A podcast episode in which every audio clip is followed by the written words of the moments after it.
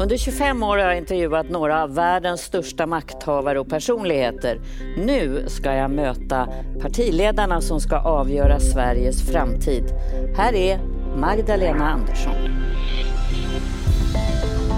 Socialdemokraternas partiledare är 55 år och föddes i Uppsala.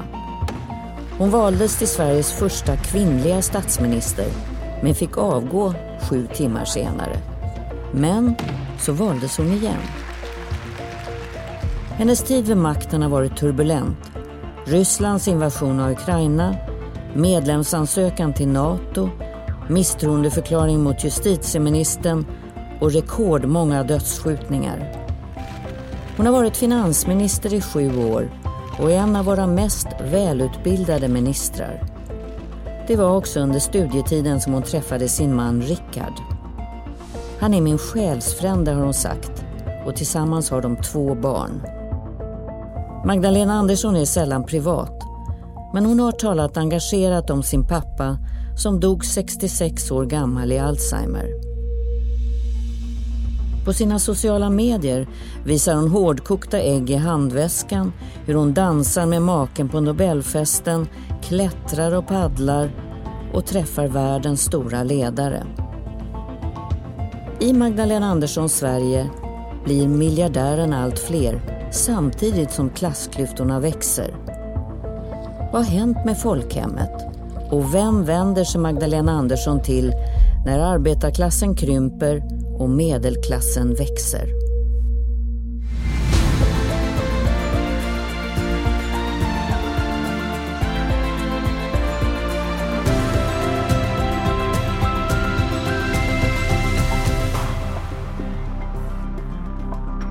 Välkommen hit, Magdalena Andersson.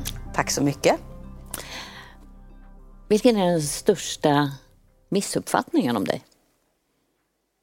Oj, folk har så jättemånga uppfattningar om mig. Men eh, jag vet inte om det finns någon missuppfattning. Jag brukar beskrivas som tydlig och rak och det passar väl rätt bra. Så du får en riktig beskrivning. Det är inte alla som har svarat så kan jag säga. ja, det, kanske, det är nog lite olika epitet men det är inget som jag tycker Tycker du att du är fel? ungefär samma person som eh, nu när du sitter och pratar, den här offentliga personen? Eller är du en helt annan person som när du är privat eller när du kliver i den här uniformen? Alltså man är ju grund, man är alltid samma person. Men det är klart att olika delar av ens personlighet kommer ju fram olika om man är i jobbsammanhang eller om man är i ett privat sammanhang. Jag är, jag tror jag är roligare privat. och på vilket sätt? Är det roligare? Ja, lätt till skratt och gillar att skämta. Och det kan man inte riktigt, sånt kan man inte riktigt vara? Jo, alltså, absolut i vissa sammanhang. Men jag menar, i mitt jobb som Sveriges statsminister, det är ju ett allvarstyngt uppdrag. Mm. Jag tänker lite också på, nu är du ny på posten som statsminister men du har eh, sju år som finansminister. Mm. Vad gör det här, tror du, med en att vara så offentlig och att ändå tänka på de här sakerna? Jag tror att det som är viktigast då, eller varit väldigt viktigt för mig, det är ju att eh, kunna vara privat ibland, slappna av, hänga med familjen, fredagsmysa i soffan, eh, röra sig ut i naturen. Så att det verkligen finns de här andhämtningspauserna. Mm. Även om det är klart, det är svårare som statsminister än som finansminister.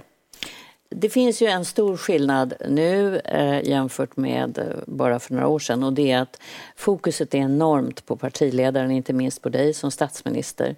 Eh, det är inte bara den här typen av intervjuer utan det är sociala medier som är poddar, ja det är väldigt många saker. Och där eh, har ju alla partiledare tagit egen kontroll, sociala medier. Mm. Eh, och om dig kan man se att du bland annat har ägg i handväskan, hårdkokta ägg. Varför har du det? Det är bra eh, att ha om man blir hungrig, om man är ute och reser eller det är långa möten och lunchen kommer sent. Då passar ett kokt ägg perfekt. Mm. För du ändå lägger ut lite av det där så att det blir eh, mm. lite av det personliga i, i en mm. sån där situation där man visar upp sig. Ja, ja absolut. Och det uppskattas ju av mm. många att man visar lite mer av en, ens ja, personliga sida. Jag kan konstatera när jag var i Vita huset i, i våras så var, fick jag fler likes på bilden när jag la ut en promenad med mig själv i eh, Georgetown eh, kvällen innan eh, mötet i Vita huset än jag fick på bilderna med mig och president Biden. Och varför tror du det? Nej, men sociala medier, de vill, alltså, man vill väl komma lite bakom det här mm. officiella, de bilderna som man ser i tidningen i alla mm. fall. Och så kan man möjlighet att se, se någonting du, annat. Kan du förstå det? Att, att det har betydelse vem det är som eh, i ditt fall leder landet, som också som person med de personliga egenskaperna? Det är klart, som, alltså som, man är ju statsminister med hela sin personlighet. Mm.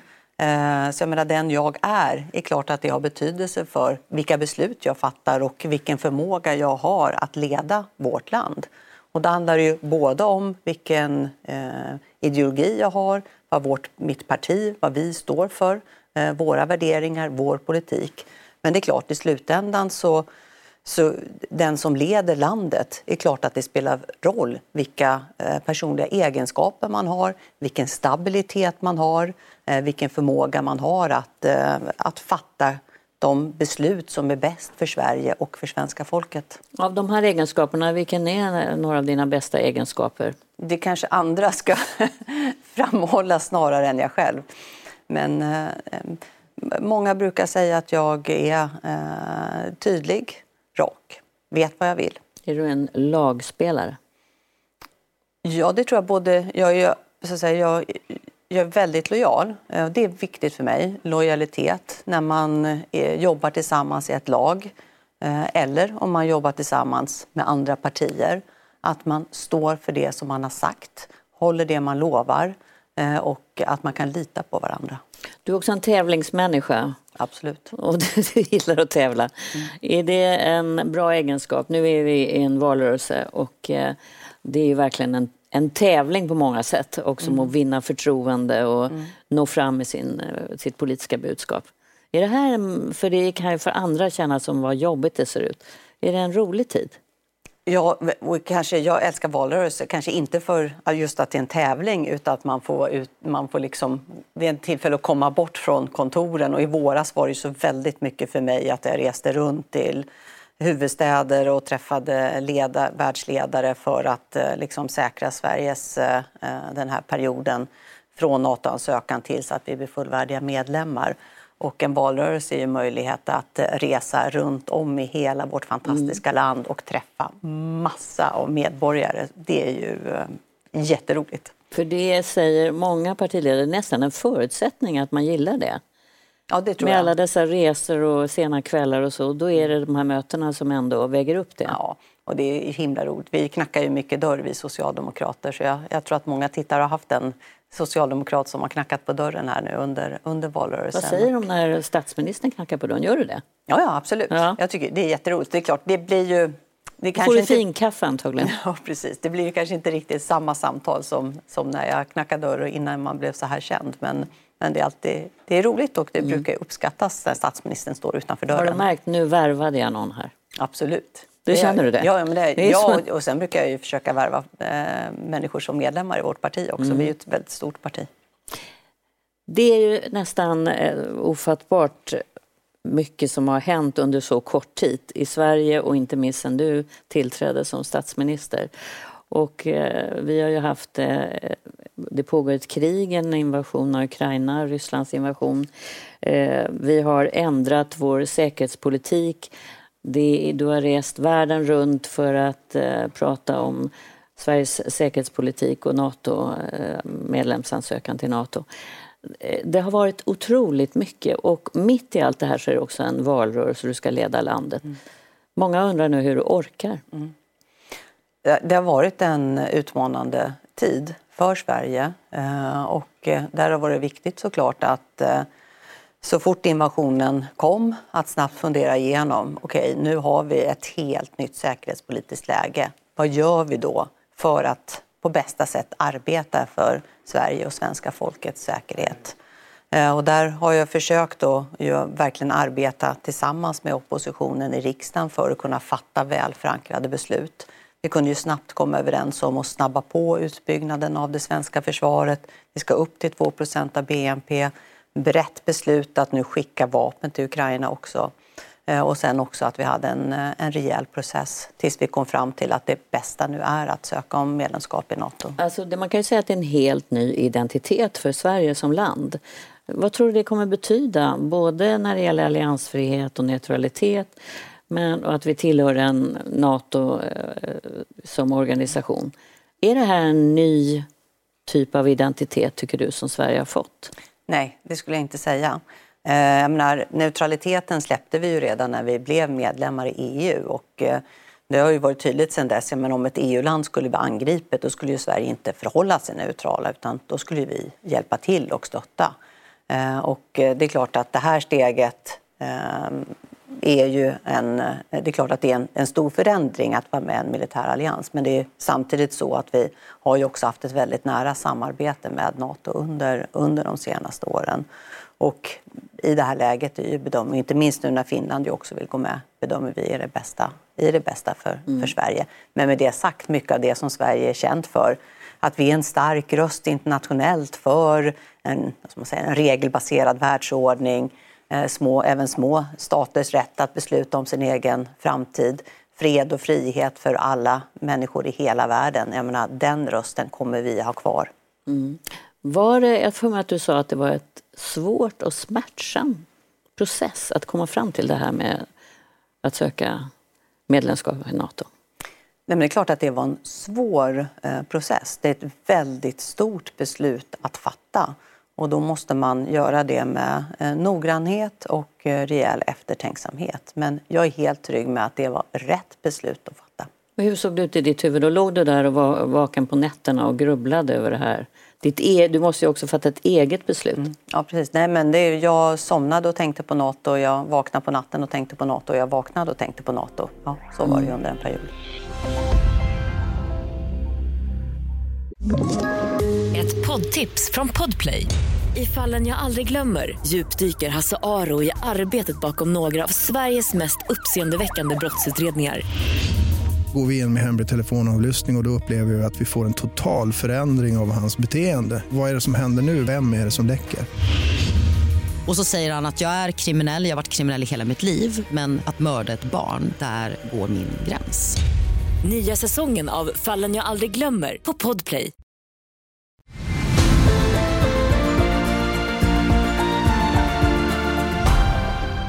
Jag skulle också vilja prata om Socialdemokraternas ideologi, det är det som väljarna ska rösta på. Vad är det för typ av samhälle man får om man röstar på Socialdemokraterna? Om vi bortser från det här vem tar vem-spelet utan tittar på ideologin så var, är det ju fortfarande så att det heter Socialdemokratiska arbetarpartiet.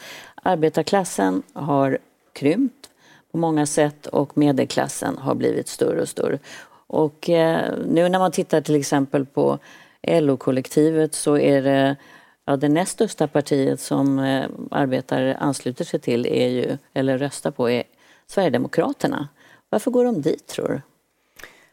Jag tror det finns två anledningar. Men vi är ju, men vi är ju start, alltså Socialdemokratiska arbetarpartiet bildades ju av fackföreningsrörelsen. Mm. Så, menar, vi har ju naturligtvis starka band där.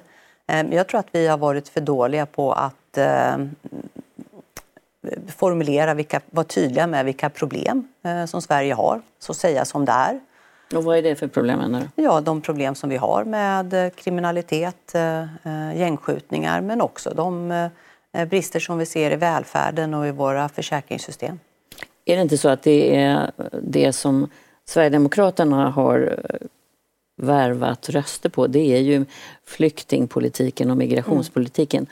Har Socialdemokraterna varit för dåliga på att ta hand om den här frågan och stå upp för att det kanske var så att vi tog in för många som ni nu efteråt har sagt? Det tror jag vi var under många år alldeles för otydliga på eh, vad som krävs för att möta upp en, eh, en flyktinginvandring. Och vi har ju också lagt om politiken, men menar, för mig är det tydligt. Under flera år hade vi en alldeles för hög invandring i förhållande till hur väl integrationen fungerade. Eh, och det är ju förklaringen till att vi nu eh, har eh, alldeles för, ett alldeles för segregerat samhälle. Där är jag, står jag hundraprocentigt bakom den stora omläggningen som vi gjorde av migrationspolitiken. Vi ska fortsätta ha en mycket stram migrationspolitik och sen måste vi med full kraft se till att alla människor i Sverige eh, ska kunna bli en del av vårt samhälle. Att alla barn ska se både mamma och pappa gå till jobbet, eh, arbeta, ha en schysst lön, betala skatt, lära sig svenska och vara en del av vårt samhälle. Men kan man säga då att Sverigedemokraterna har flyttat positionerna för alla partier när det gäller den här frågan? Jag skulle säga att verkligheten har flyttat positionerna eh, för alla partier i de här frågorna.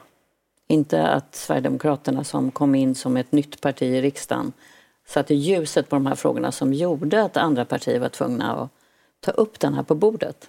Det var ju, sanningen är ju att det var ju efter flyktingkrisen 2015 som det var uppenbart att vi hade en politik som inte höll.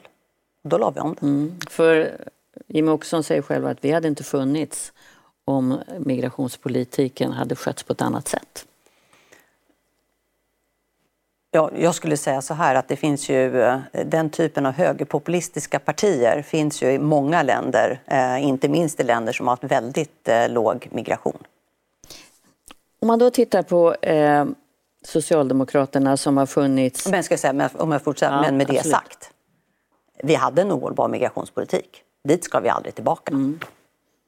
Och det kanske var de som förde upp den här på bordet? Ja, jag skulle nog säga att det var ju väldigt tydligt 2015 att den migrationspolitik som mm. vi hade inte höll. Där vi hade ett stort flyktingmottagande.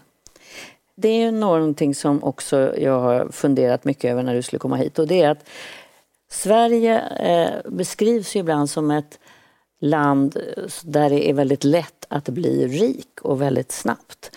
Du är ju också ekonom och för detta finansminister. Eh, under Göran Perssons regering tog man bort arvsskatten, förmögenhetsskatten och gåvoskatten. Och sen kom Reinfeldts regering och då tog man också bort eh, eh, fastighetsskatten. Det här undrar jag, alltså, vad gjorde man det för om vi tar den socialdemokratiska regeringen, tror du? Vad ville man åstadkomma då? Arvs och gåvoskatten var ju den som togs bort av den socialdemokratiska regeringen och det var faktiskt efter euroomröstningen. Eh, det var en ja, stor diskussion i näringslivet hur det skulle gå för näringslivet nu eh, efter, eh, ehm, ja, efter det här nejet och hur skulle Sverige kunna liksom utveckla vår ekonomi. Och efter det var det en debatt. Då var det en debatt om, kan man göra någonting som... Ja, det fanns en, flera krav från näringslivet på liksom hur man skulle gå framåt nu. Och då var arvs och gåvoskatten en sån och då tog vi bort den. Men den finansierades fullt via andra förändrade skatteregler för, för näringslivet. Förmögenhetsskatten var faktiskt Reinfeldt som tog bort. Men, men, men, men med det sagt, jag tycker så här. Mm. Vi har fantastiskt duktiga företagare och entreprenörer i Sverige. Det ska vi vara stolta över. Det skapar ju jobb i vårt land och är också, eh, också någonting som är viktigt för bilden i Sverige. Både vår liksom, basindustri som vi har haft under lång tid, hela den nya basindustrin som kommer nu med den gröna industriella revolutionen och sen ovanpå det alla Eh, alla liksom fantastiska entreprenörer inom, inom ny teknik. Så att det är ju liksom, det är en stor tillgång till vårt land. Eh, och det är någonting som jag välkomnar. Eh, men däremot så tycker jag att det är rimligt att eh, också människor som har höga inkomster betalar skatt utifrån eh, vilken förmåga man har att betala skatt. Och där är det ju så att vi har väldigt låga skatter på förmögenhet ja, i Sverige jämfört med många andra länder. Varför har vi det och högre skatt på inkomst? Mm. Ja, och det är någonting som jag har eh, velat ändra. Men det var ju när jag skulle ens lägga fram de förslagen till riksdagen som Sverigedemokrater, Moderater eh, och andra partier ju eh, hotade misstroendevotum med mig eh, om jag ens la fram dem. Så att fick du som du ville så skulle du Då skulle ha vi ha kvar. ett rättvisare skattesystem. Och sen har, så vet jag att en av dina älsklingsskatter är fastighetsskatten, eller är det? Nej. Nej, det är inte? Nej, jag har aldrig... Nej, eh, det trodde jag var en sån där som du som ekonom tycker att... Det... Ja, det är klart. Alla, alltså, alla ekonomer ser ju poängen med fastighetsskatten. Okay. Jag är ju också politiker och okay. jag ser ju att så ogillad som fastighetsskatten var, det var ju liksom ett hot mot liksom legitimiteten för hela skattesystemet. Så Nej, du delar upp man... dig till ekonomen vill ha den men inte politikern? Ja, då, då, får man ta ut skatt på ett annat sätt. Okay. Mm. Jag tänkte också på det här som du pratar om att man är samma person inuti och sen ska man ändå måste man, du har ett ämbete som kräver saker av dig. Men jag tror nästan aldrig jag har sett någon politiker och inte minst statsminister bli så arg som du blev när det riktades en misstroendeförklaring mot eh, Morgan Johansson, justitieministern. Och det här var mitt i de förhandlingar som du hade ju hållit på med i princip dygnet runt verkar det som. Var det så att då gick topplocket? Nej, men det var viktigt för mig att markera. Ehm, därför att jag bedömde att det agerandet var väldigt dåligt för Sverige Eh, och för svenska folket. Ehm, jag hade ju under våren säkerställt att vi skulle kunna ha en ordnad process för NATO-ansökan. Dels hade jag ju säkerställt att det fanns brett stöd i Sveriges riksdag för det här, att vi gjorde det här tillsammans med Finland. Ehm, jag reste ju då land, ja, runt jorden, eller ja, många huvudstäder eh, för att vi skulle kunna få de här säkerhetsförsäkringarna för att vi skulle kunna vara trygga också i den här eh, övergångsperioden. Och sen var det viktigt att jag hade tre väldigt erfarna statsråd som skulle kunna lotsa Eh, då den här NATO-ansökan framåt. Och där är justitieministern en av de tre mm. centrala eh, statsråden. Och att då rikta misstroendevotum blev ju ett sätt att sätta käppar i hjulet i, för den här viktiga eh, processen. Och, det, eh, och dessutom göra det som man då gjorde bara några veckor efter att jag och oppositionsledaren hade stått bredvid varandra. Ulf Kristersson hade stått bredvid varandra på en, en pressträff och sagt att vi skulle göra det här mm. tillsammans. Ehm, ja, det var viktigt för mig då att markera att eh, det, det, här var du. dåligt. Och du blev riktigt arg? Jag markerade tydligt att mm. det här var eh, att sätta käppar i hjulet för mm. NATO-ansökan. Eh, det var inte, det, alltså svenska folket har rätt att förvänta sig någonting annat. Ett poddtips från Podplay. I podden Något Kaiko garanterar östgötarna Brutti och jag, Davva, dig en stor dos skratt. Där följer jag pladask för köttätandet igen. Man är lite som en jävla vampyr. Man har fått lite blodsmak och då måste man ha mer. Udda spaningar, fängslande anekdoter och en och annan arg rant. Jag måste ha mitt kaffe på morgonen för annars är jag ingen trevlig människa. Då är du ingen trevlig människa, punkt. Något kajko, hör du på podplay. Därför är gardinerna.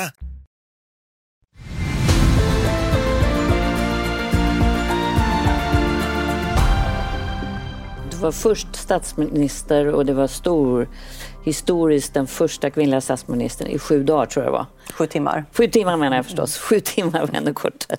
Och sen så, eh, ja, så avsattes du och så valdes du in igen, eller mm. du blev statsminister igen. Du har också fått under den här tiden ett väldigt stort förtroende. Mm. Eh, inte bara från ditt eget parti, för det ser ut som du har fått det från andra också. Vad tror du det beror på? Jag tror att andra ska eh, kanske värdera det mer än, än, jag. Men det är klart, folk har ju, många har ju ja, sett mig under rollen som, eh, som finansminister och vet ju att jag arbetar hårt för eh, Sveriges bästa och, och svenska folkets bästa. Och det måste jag säga, något med att vara statsminister är just det här, det är, det är verkligen en ynnest att varje dag få vakna upp och veta att min uppgift är att göra det yttersta för Sverige och svenska folkets bästa. Så på så sätt är det ju en, eh, en fantastisk eh, eh, position att få, att få arbeta utifrån. Eh, sen eh, får vi se hur svenska folket väljer nu då är det en ynnest att vakna upp, vakna upp i Sagerska palatset eller Sagerska huset och inte vakna upp hemma i din bostad? Nej. Nej. du längtar efter jag din, längtar e- ditt eget? Ja, jag längtar ja. hem. Mm. Men det är, det är ändå det man måste som statsminister, att mm. bo där? Ja, och jag menar, att ha möjlighet att ha en, en bostad nära jobbet och inne i Stockholm. Det är klart att det eh, är ju fantastiskt. Men, mm. men jag är ju van att ha naturen nära inpå så att eh, jag längtar, mm. längtar hem till träden. Till träden, ja, mm. och att klättra som vi ska komma in på lite grann vad du gillar.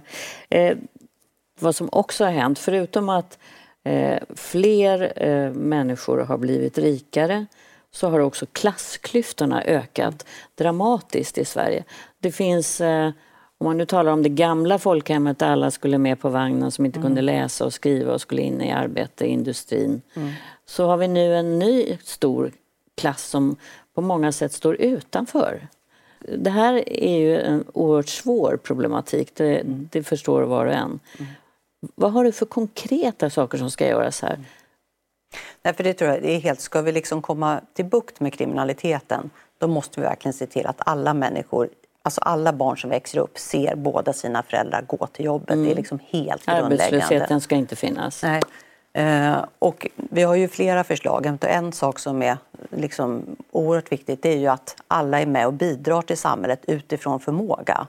Eh, oavsett hur länge man har bott i Sverige och oavsett om man är kvinna eller man så ska man vara med och bidra i eh, till Sverige. Det är också så som man blir en del av Sverige, blir en del av de svenska värderingarna.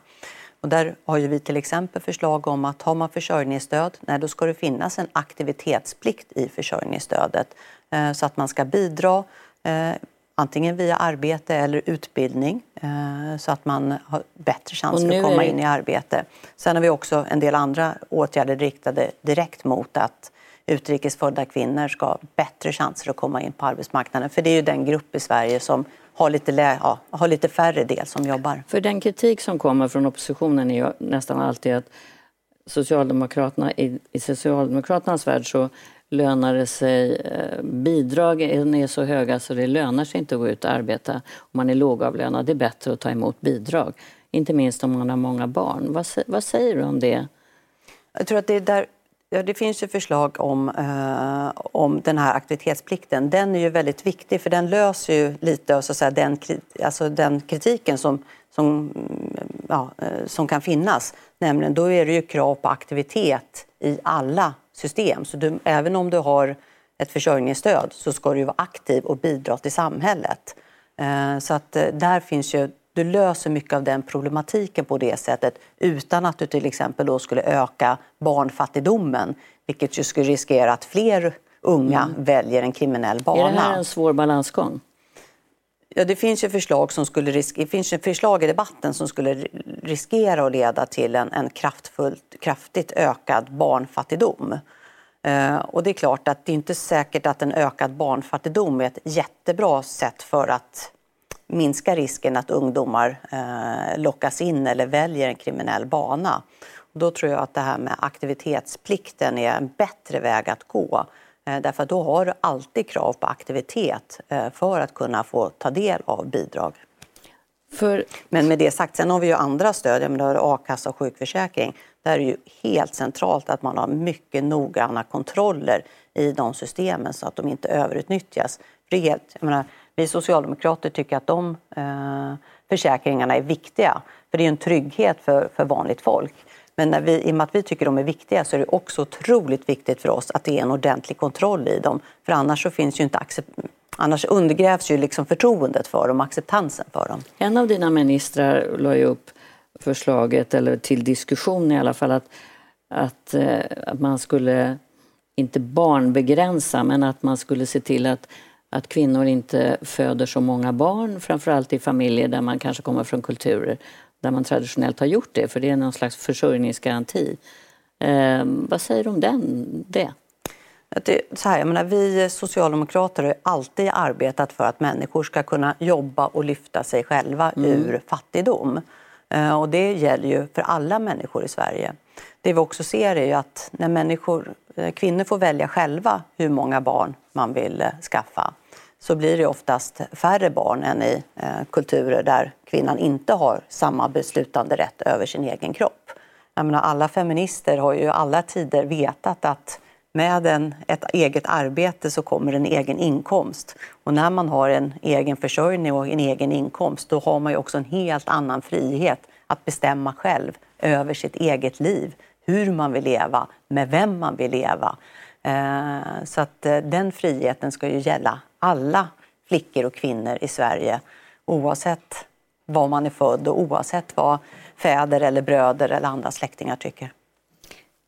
Det här är ju stora utmaningar och, eh, och det kommer ju oavsett vilken regering det blir stå inför. När det gäller ditt eget liv mm. så är du ju eh, född och uppväxt i Sverige så du har ju haft de här möjligheterna. Du är ensambarn och har talat väldigt varmt om din uppväxt. Mm.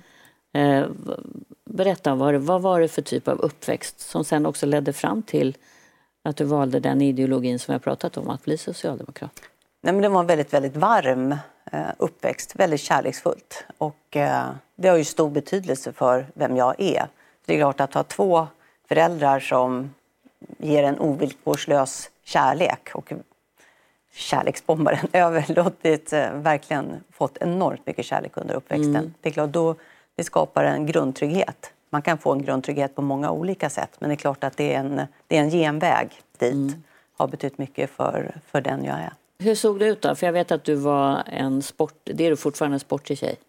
Mm. Du var det när du växte upp och hade mm. ett väldigt stöd, inte minst av din pappa som gillade samma saker. Mm. Ja, Nej, det var mycket mycket skjutsningar, fast faktiskt inte på samma sätt som nu. nu Inga vi... curlingskjutsningar? Nej, inte, det, var, det var annorlunda faktiskt på den tiden. Eh, för ja, 40 Varför var det för att han ville vara med och var intresserad? Eller vad var ja, han var absolut. Det var mycket skjutsningar till äh, hämtningar från träningar och äh, till tävlingar. Han tyckte Sim, det var roligt. Simning var det? Ja, simning. Han mm. tyckte det var roligt att vara med och titta på tävlingar och, och såklart också åka, åka hem med bilen tillsammans. Då hinner man prata mycket om, mm. om livet. Och vad stod mamma för? Eh, mamma stod för mig tror jag väldigt mycket att hon är så stark i sin yrkesidentitet som lärare. Det har betytt mycket för mig hur jag ser på arbete. Och eh, eh, att det var viktigt för henne, det hon gjorde på jobbet, att hon kände att hon bidrog.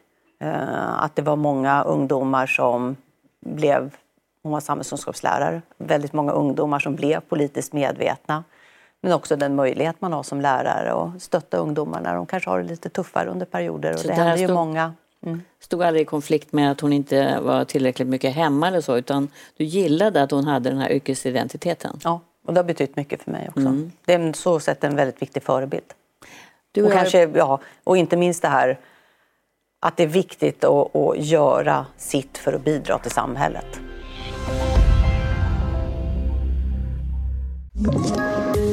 Poddtips från Podplay.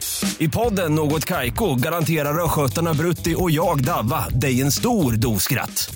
Där följer jag pladask för köttätandet igen. Man är lite som en jävla vampyr. Man har fått lite blodsmak och då måste man ha mer. Udda spaningar, fängslande anekdoter och en och annan arg rant. Jag måste ha mitt kaffe på morgonen för annars är jag ingen trevlig människa. Då är du ingen trevlig människa, punkt. Något kajko, hör du på podplay. Därför är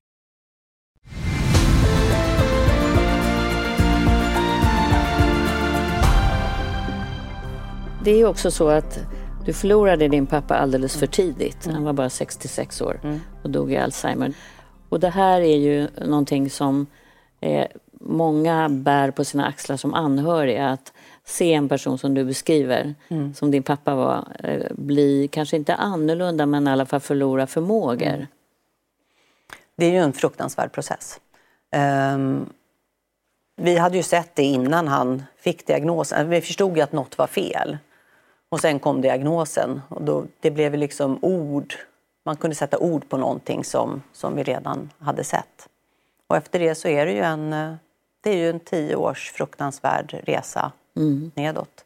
Och då var det ju så fantastiskt det stöd som eh, fanns där från liksom, samhället och den svenska välfärdsstaten. Både liksom direkt när beskedet kom, sen när pappa blev sämre med dagverksamhet och sen med ett boende.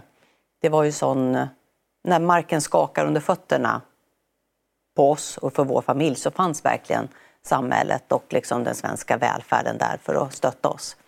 Så jag menar liksom, är det något jag vill så är det verkligen att för mm. alla i Sverige när man hamnar i en sån position, en sån utsatt situation, att man känner att där finns samhället där och stöttar upp.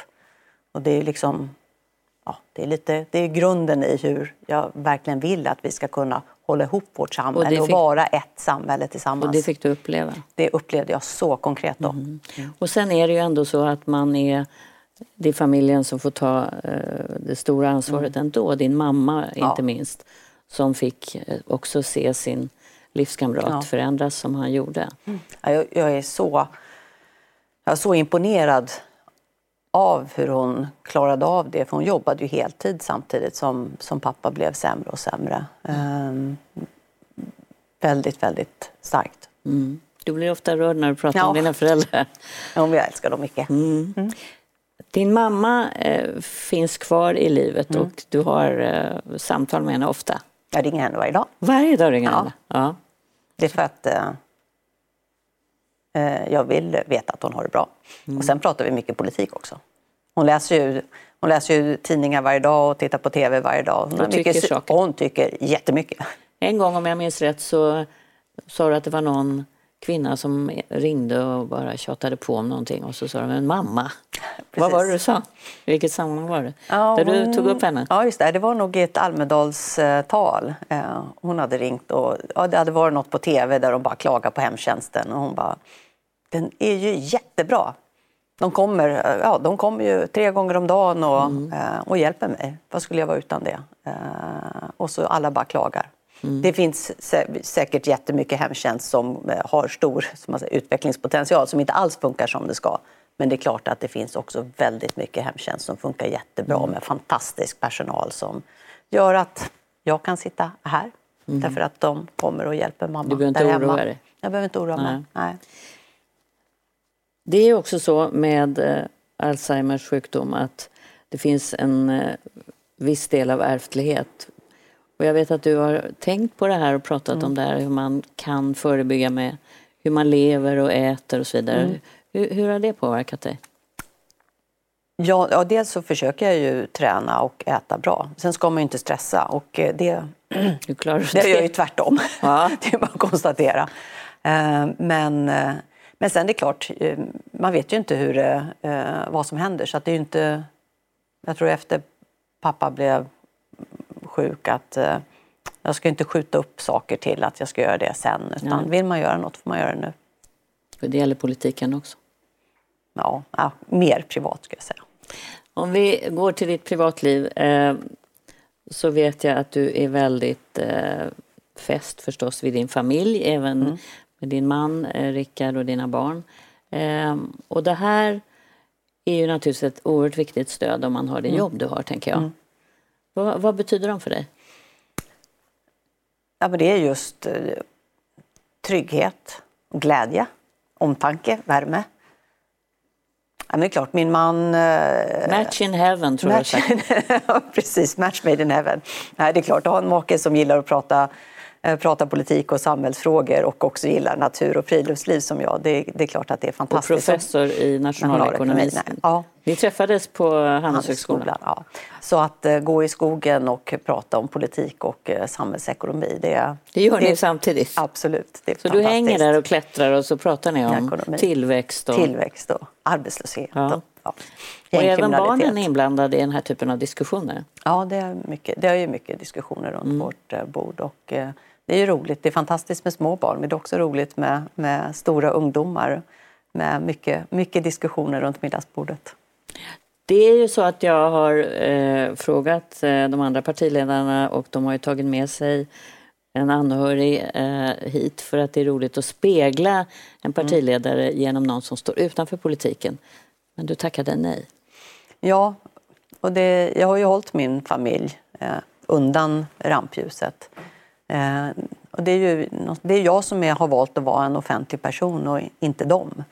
Eh, jag vill nog gärna ha det så också, att de, de får leva sina liv utan att vara igenkända och, eh, av människor. Sen min man är ju med, det finns ju vissa Han sammanhang. dansar med dig på Nobelfesten och han går på Ja. olika Ja, nej, det är klart att det finns ju vissa ti- tillfällen där eh, man behöver, ja, där det är lämpligt att ens partner är med. Nobelfesten till exempel. Så, att, eh, så han är ju med i vissa sammanhang men, men inte när vi sitter och pratar eh, så här. Det, och, ja, jag tror också ett sätt för mig att verkligen att man verkligen kan slappna av och vara privat när man är hemma med familjen. Och sen har du någonting annat som är väldigt viktigt för dig. Vi försökte med det också men det gick inte. Väninnorna. Väninnorna. Ja. Eh, Jag har en väninnekör som man brukar säga Ja. som har stöttat dig hela tiden. Verkligen. Jag har ju, eh, inte minst har jag ju vänner från när jag växte upp eh, som bodde på samma gata. Vi cyklade trehjuling tillsammans. Så länge sedan Ja. är det. Och nu så, alltså det är över 50 år. Ehm, men det är också samma sak där. Jag vill ju, när vi träffas och hänger, då vill jag bara vara Magda med dem. Ehm, så att, eh, Du brukar ha ett halsband på jag men du brukar, har det inte har det jag inte idag. just idag. Nej, Nej. precis. Men där vill jag Det är verkligen ett, bara en av dina väninnor som du har fått till oss. Som har gjort det precis. tror jag. Som har gjort det, ja. Vi har funderat så på vad det är för något. Det ser ut som någon Ja, liksom, det ser ut som ett... Ja, precis. något som hänger, på. Ja. På hänger på ett snöre där. Ja. Det här är ju eh, vad jag förstår någonting som är viktigt. Men hinner du träffa de personerna också? Dina väninnor till exempel? Alldeles för lite. Ja. Det är klart, Eh, jag har jobbat oerhört intensivt sen jag blev statsminister. Det har varit en, en väldigt speciell period. Eh, men ibland hinner man träffas. Vad är det, som driver dig? För det är två vågskålar hela tiden. Som gör att du ändå tycker att det är värt att jobba så här hårt som du gör. För att jag vill göra det som är bäst för Sverige och svenska mm. folket. Jag vill göra Sverige till ett bättre och rättvisare land. Att vi kan ha liksom sammanhållning. Ha ett land som håller ihop. Att alla i Sverige är med och bidrar och eh, drivs tillsammans framåt. Att, eh, alltså det finns ju krafter i Sverige idag som vill splittra vårt land. Det kan vara både islamister, högerextremister, eh, gängkriminella. Eh, men jag menar, den absolut förkrossande majoriteten av svenska folket vill ju bara leva i ett välfungerande samhälle som hänger ihop och vi kan hålla ihop tillsammans. Och det är någonstans det som driver mig. Mm. Nu eh, är det ju historiskt faktiskt att du är Sveriges, äntligen kan man säga, första mm. Äntligen. kvinnliga statsminister. Och det kommer ju betyda mycket, inte minst för barn som ser att mm. så kan det också vara.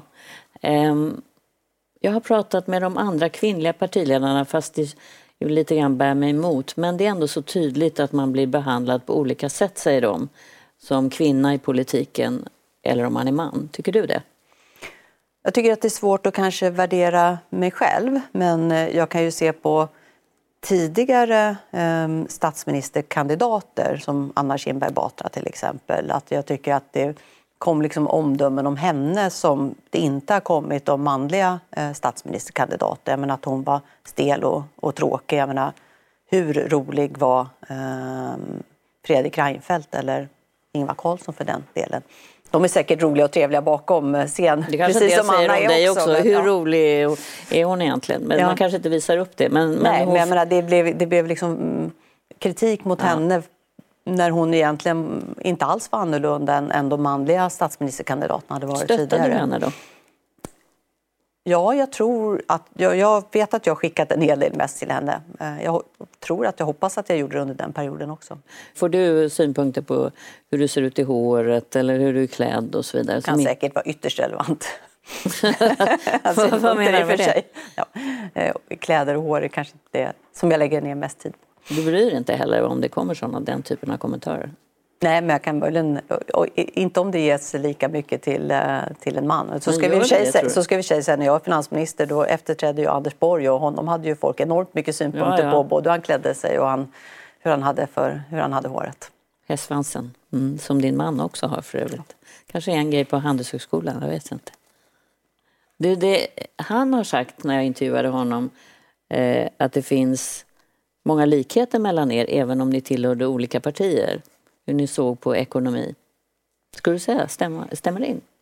Han hade stor eh, respekt för det jobb du gjorde då. Ja, jag hade, det har jag också sagt att jag har stor respekt för hur han skötte, skötte finanskrisen. Sen eh, det tror jag vi i grunden tror kanske ser lite olika på eh, människors eh, eh drivkrafter. men eh, däremot att vi båda var snåla och du, du lär ju vara ordning och reda i statsfinanserna. Ja. Det, eh, det ligger en del i. Och det här att du är en av de snålaste, eller var, mm. finansministrar. Är det någonting som du sätter en ära i? Alltså, poängen med, med det är ju... Alltså, det var ju så, för att, vi ska kunna, för att kunna hantera kriser så måste man ha goda statsfinanser. Och man vet aldrig vad som kommer. Och då är det bra att ha en rejäl buffert i form av en inte alltför hög statsskuld. Och det var ju tack vare att vi hade sparat då i ladorna under de goda åren som vi kunde komma med alla de här enorma krispaketen under corona. Eh, det är också därför vi nu kan liksom snabba på utbyggnaden av försvaret.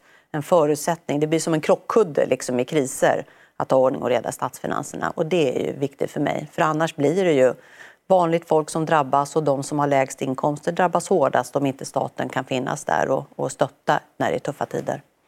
Är du snål privat också? Lägger du i, är du en sån där som sparar snarare än slösar? Ja, det skulle jag nog säga. Mm. Men jag vet också att eh, barnen brukar eh, fråga mig om det ska swisha snarare än sin pappa. Då är det lättare att få från dig. okay. Du, en, en, har jag missat någonting? Vi ska avsluta här nu. Är det någonting som du tycker är viktigt att tillägga? Ja, att, eh, såklart att det är viktigt att rösta. På dig? ja, nej, det är viktigt att rösta.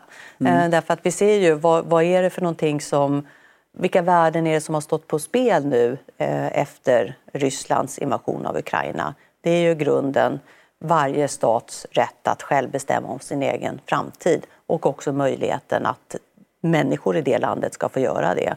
Och här i Sverige har vi det ju fantastiskt förspänt att vi har möjlighet att rösta i allmänna val och på så sätt bestämma vilken riktning man vill att Sverige ska föras i. Mm. Så jag hoppas verkligen att alla tar tillvara den möjligheten. Eh, och den är ju också tyvärr i alldeles för stora delar av världen eh, ifrågasatt och inskränkt idag. Så att vi bör verkligen ta vara på den, men också veta att vi behöver kämpa för det. För en levande demokrati är det också viktigt att människor är aktiva, engagerar sig i politiken. Det är det som det bygger på. Och ju fler som kanske nu i valrörelsen också tycker att det blir spännande med politik så hoppas jag att man också väljer att engagera sig i något politiskt parti. För politiken blir ju bättre ju fler människor som är med. En rättighet som man har faktiskt i ja. ett land som är en demokrati. Ja. Så rösta är ditt slutord här. Ja. Gå och rösta. Mm. Tack så mycket för att du kom hit, Magdalena Andersson.